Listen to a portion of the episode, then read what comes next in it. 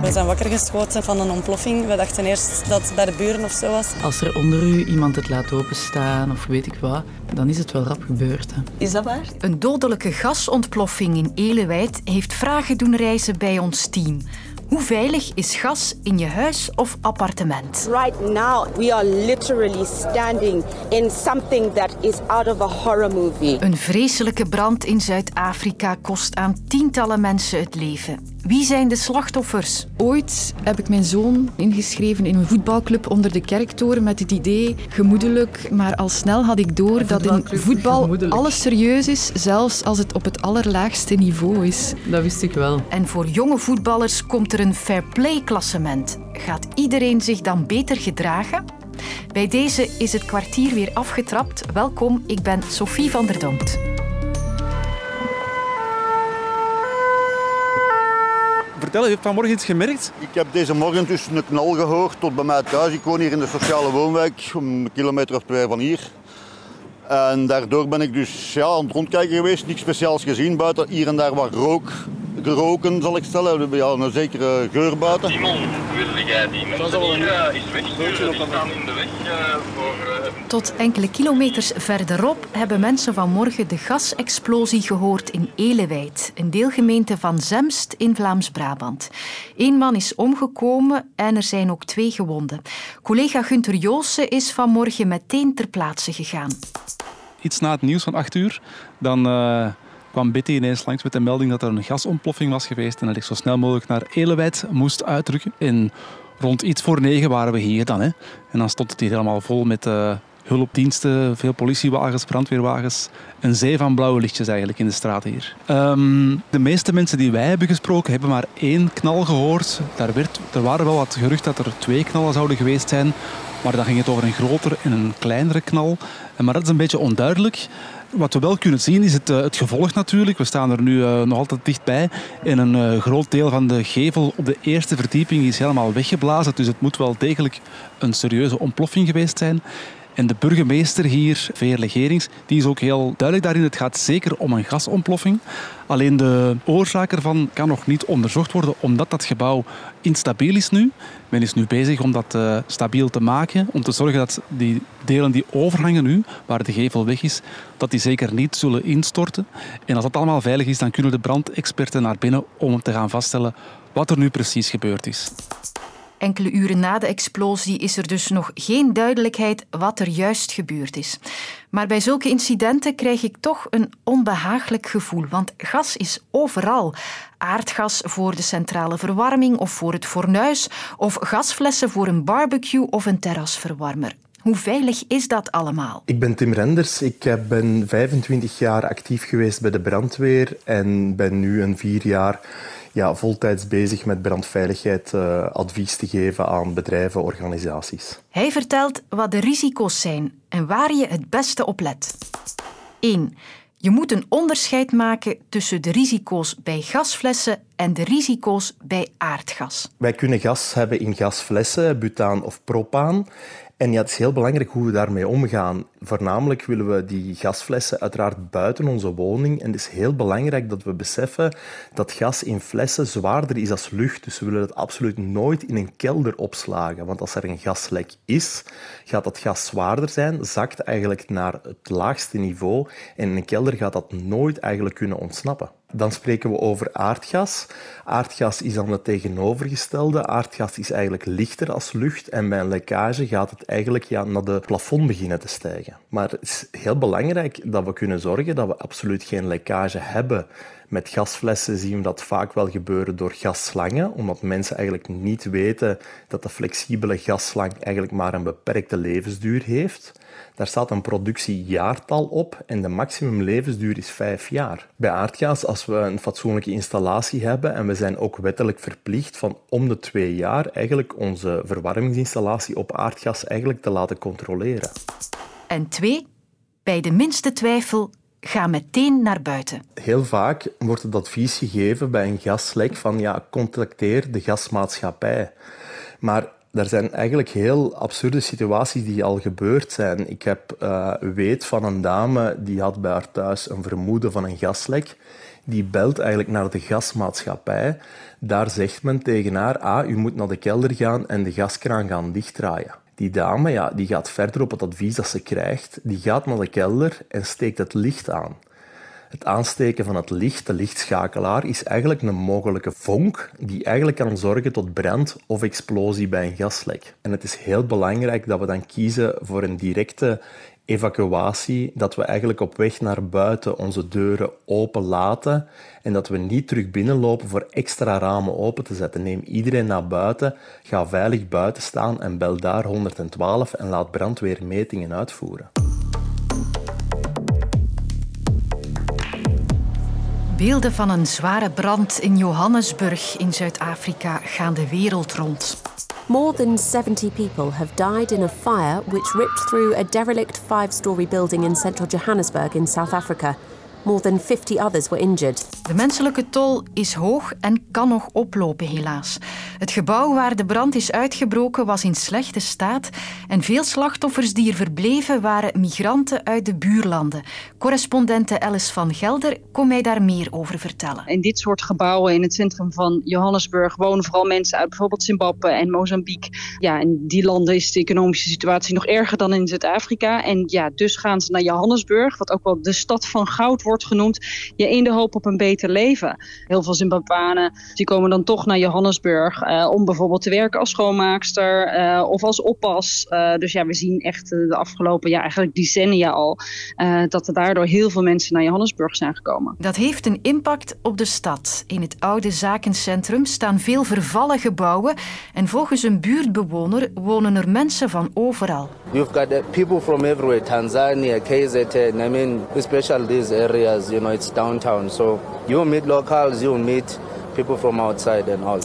Voor een deel zien we dat die mensen in townships gaan wonen, hè, zeg maar sloppenwijken buiten de stad. Maar heel veel willen ook in het centrum van Johannesburg wonen, vanwege hè, dat het dichtbij werk is. Daar zien we dat heel veel migranten in zogenaamde verwaarloosde gebouwen wonen. In Johannesburg noemen ze het of hijack buildings of bad buildings, slechte gebouwen.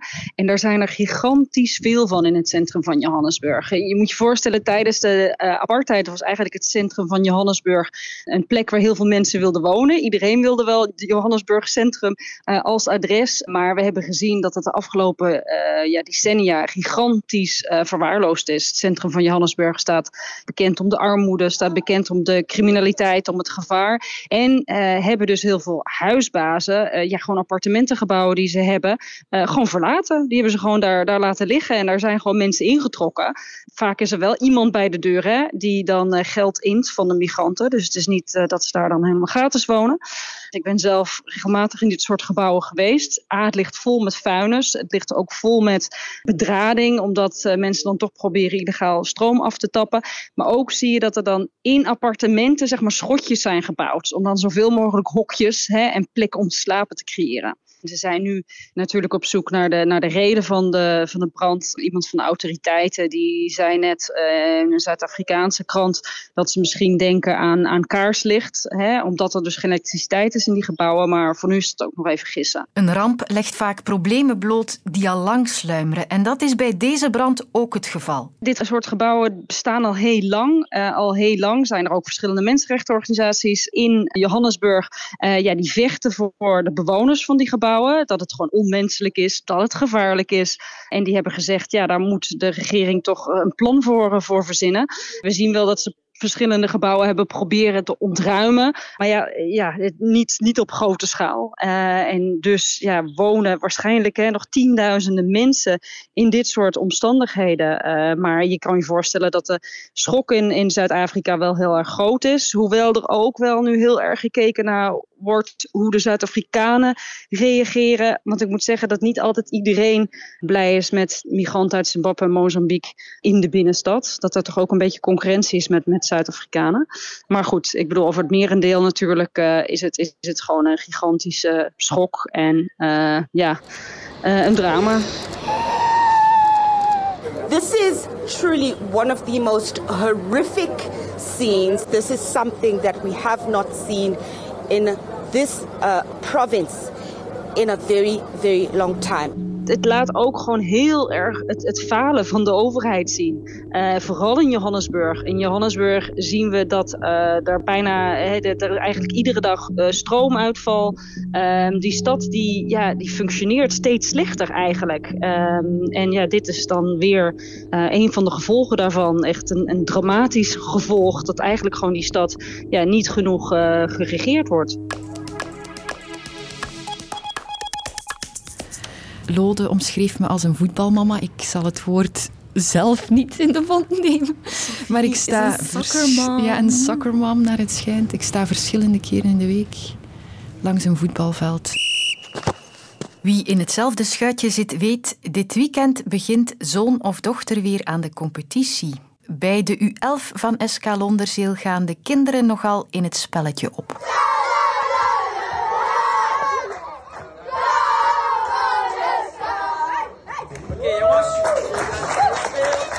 En als ouders moeten we zeker niet onderdoen. De jongste voetballers verdienen nog geen punten door te winnen, maar een nieuwigheid, er komt nu wel een fair play klassement. Dus er bestaat geen klassement op dit moment. Wat ze gaan invoeren is dan wel een klassement blijkbaar op basis van uh, fair play. En het is de scheidsrechter die punten moet toekennen op basis van gedrag van spelers zelf, supporters, ouders. Maar wie is de scheidsrechter in het jeugdvoetbal, denk je? Een ouder van een ploeg. Bingo. Dus had ik wel wat bedenkingen bij het nieuwe systeem. En die kon ik voorleggen aan Nant de Klerk. Ik speel een vierde provinciale bij club Vos Reinaard in Sinaai. maar ik belde hem toch vooral als woordvoerder van Voetbal Vlaanderen. Eerst om te weten, waarom is dat fair play klassement nodig? Wel, voor ons was het heel nodig uh, om met een aantal acties te komen uh, om respect uh, en fair play op en naast onze terreinen te verbeteren. Het fair play klassement is één onderdeel van een breder actieplan. dat heet Doe jij dat thuis ook? Een van de andere zaken uh, die we daarin gedaan hebben, is bijvoorbeeld de strafmaat van zaken rond agressie uh, gaan verdubbelen. Dus we zagen vorig seizoen in totaal 6.801 gevallen van agressie op onze voetbalterreinen. zijn er veel te veel, dus het was tijd om actie te ondernemen. Enerzijds sensibiliserend, positief, met fair play klassement, anderzijds ook sanctionerend door het verdubbelen van de strafmaten. Nu kregen wij deze week van de trainer een bericht. Voor nu zaterdag tegen Eendracht Aalst zoek ik nog een scheidsrechter. Dus in ons geval komt mhm. die scheidsrechter uit de groep van ouders. Is dat niet delicaat? Mhm. Hoe kan een ouder zijn eigen ploeg en de andere ploeg beoordelen? Objectief. Ja, ik begrijp dat uh, de objectiviteit uh, van de gelegenheidsscheidsrechter of de, ja, de, ouder hè, die het wedstrijdje van de, de plaatselijke U11 in banen leidt, ja, misschien een, bevooroordeeld zal zijn richting zijn eigen ploegje. Maar, en dat is ook een oproep, hè, het gaat hier over ouders, het gaat hier over volwassen mensen. Ik verwacht ook niet dat er een stormvloed uh, aan mensen gaat zijn die dat klassement gaan willen manipuleren om hun eigen ploegje te gaan willen voortrekken bij iets waar dat eigenlijk niets tegenover staat. Het is net om dat positief gevoel te creëren dat we dat fair play klassement in leven gaan roepen. We rekenen dan ook wel op de verantwoordelijkheid van ouders en trainers die dan bijvoorbeeld gelegenheidsscheidsrechter zijn, om dat dan ook terdege in te vullen en met hart op de juiste plaats. Als we daar al niet meer op kunnen rekenen, dan denk je dat het nog slechter gesteld is met ons voetbal dan dat ik denk. Ouders zijn wellicht het grootste probleem. Ja, ja. ja. Allee, dat hoort je toch overal. Het zijn eigenlijk, eigenlijk hebben de volwassenen regels nodig. Ja. ja, daarom hangt er ook een bord in veel stadions van dit is een spel, dit is niet de Champions League, dit zijn kinderen. Daar moeten mensen op gewezen worden. Ja, ik, ik, ik, wist niet dat dat zo erg was. En ik vind de kinderen voor mij hebben meer krediet omdat ik denk, ja, je moet nog een beetje opgevoed worden. Hè? Ja. Mhm. En wat denk je dat dan wel zou helpen, Sophie? Heropvoeding van de ouders. Misschien moeten we als volwassenen ook wel eens in de spiegel kijken en durven te zeggen, meestal zijn niet de kinderen het probleem. Nee, uh, ik kan dat zelf bevestigen van het onderzoek, dat de kinderen het probleem meestal niet zijn. Hè. De, meldingen die we het vaakst binnenkrijgen, hè, zijn, zijn, ouders die over de schreef gaan tegen de scheidsrechter. Ouders die over de schreef gaan tegen kinderen van de tegenpartij, tegen kinderen van hun eigen team, tegen hun eigen zoon of dochter. Dus dat is eigenlijk um, ja, het grootste probleem eigenlijk op dit moment binnen ons jeugdvoetbal, is dat ouders van jonge kinderen dat als zeer competitief ervaren en dat op die manier ook willen overbrengen naar hun kinderen, maar niet altijd op de juiste manier en met de juiste klemtonen. Maar we zijn hier vooral bezig met een cultuurverandering. In andere sporten kan het, dus dat moet het ook in voetbal kunnen. Eerst tijd voor school nu en dan zaterdag voor Fair Play voetbal. Lode is er morgen met het laatste kwartier van de werkweek. Dag. Is dat veelbesproken boek nu wel of niet leesbaar? Joris Hessels en Annelies Moons zoeken het voor je uit in de boekenpodcast Leesbaar. Nu in de app van VRT Max.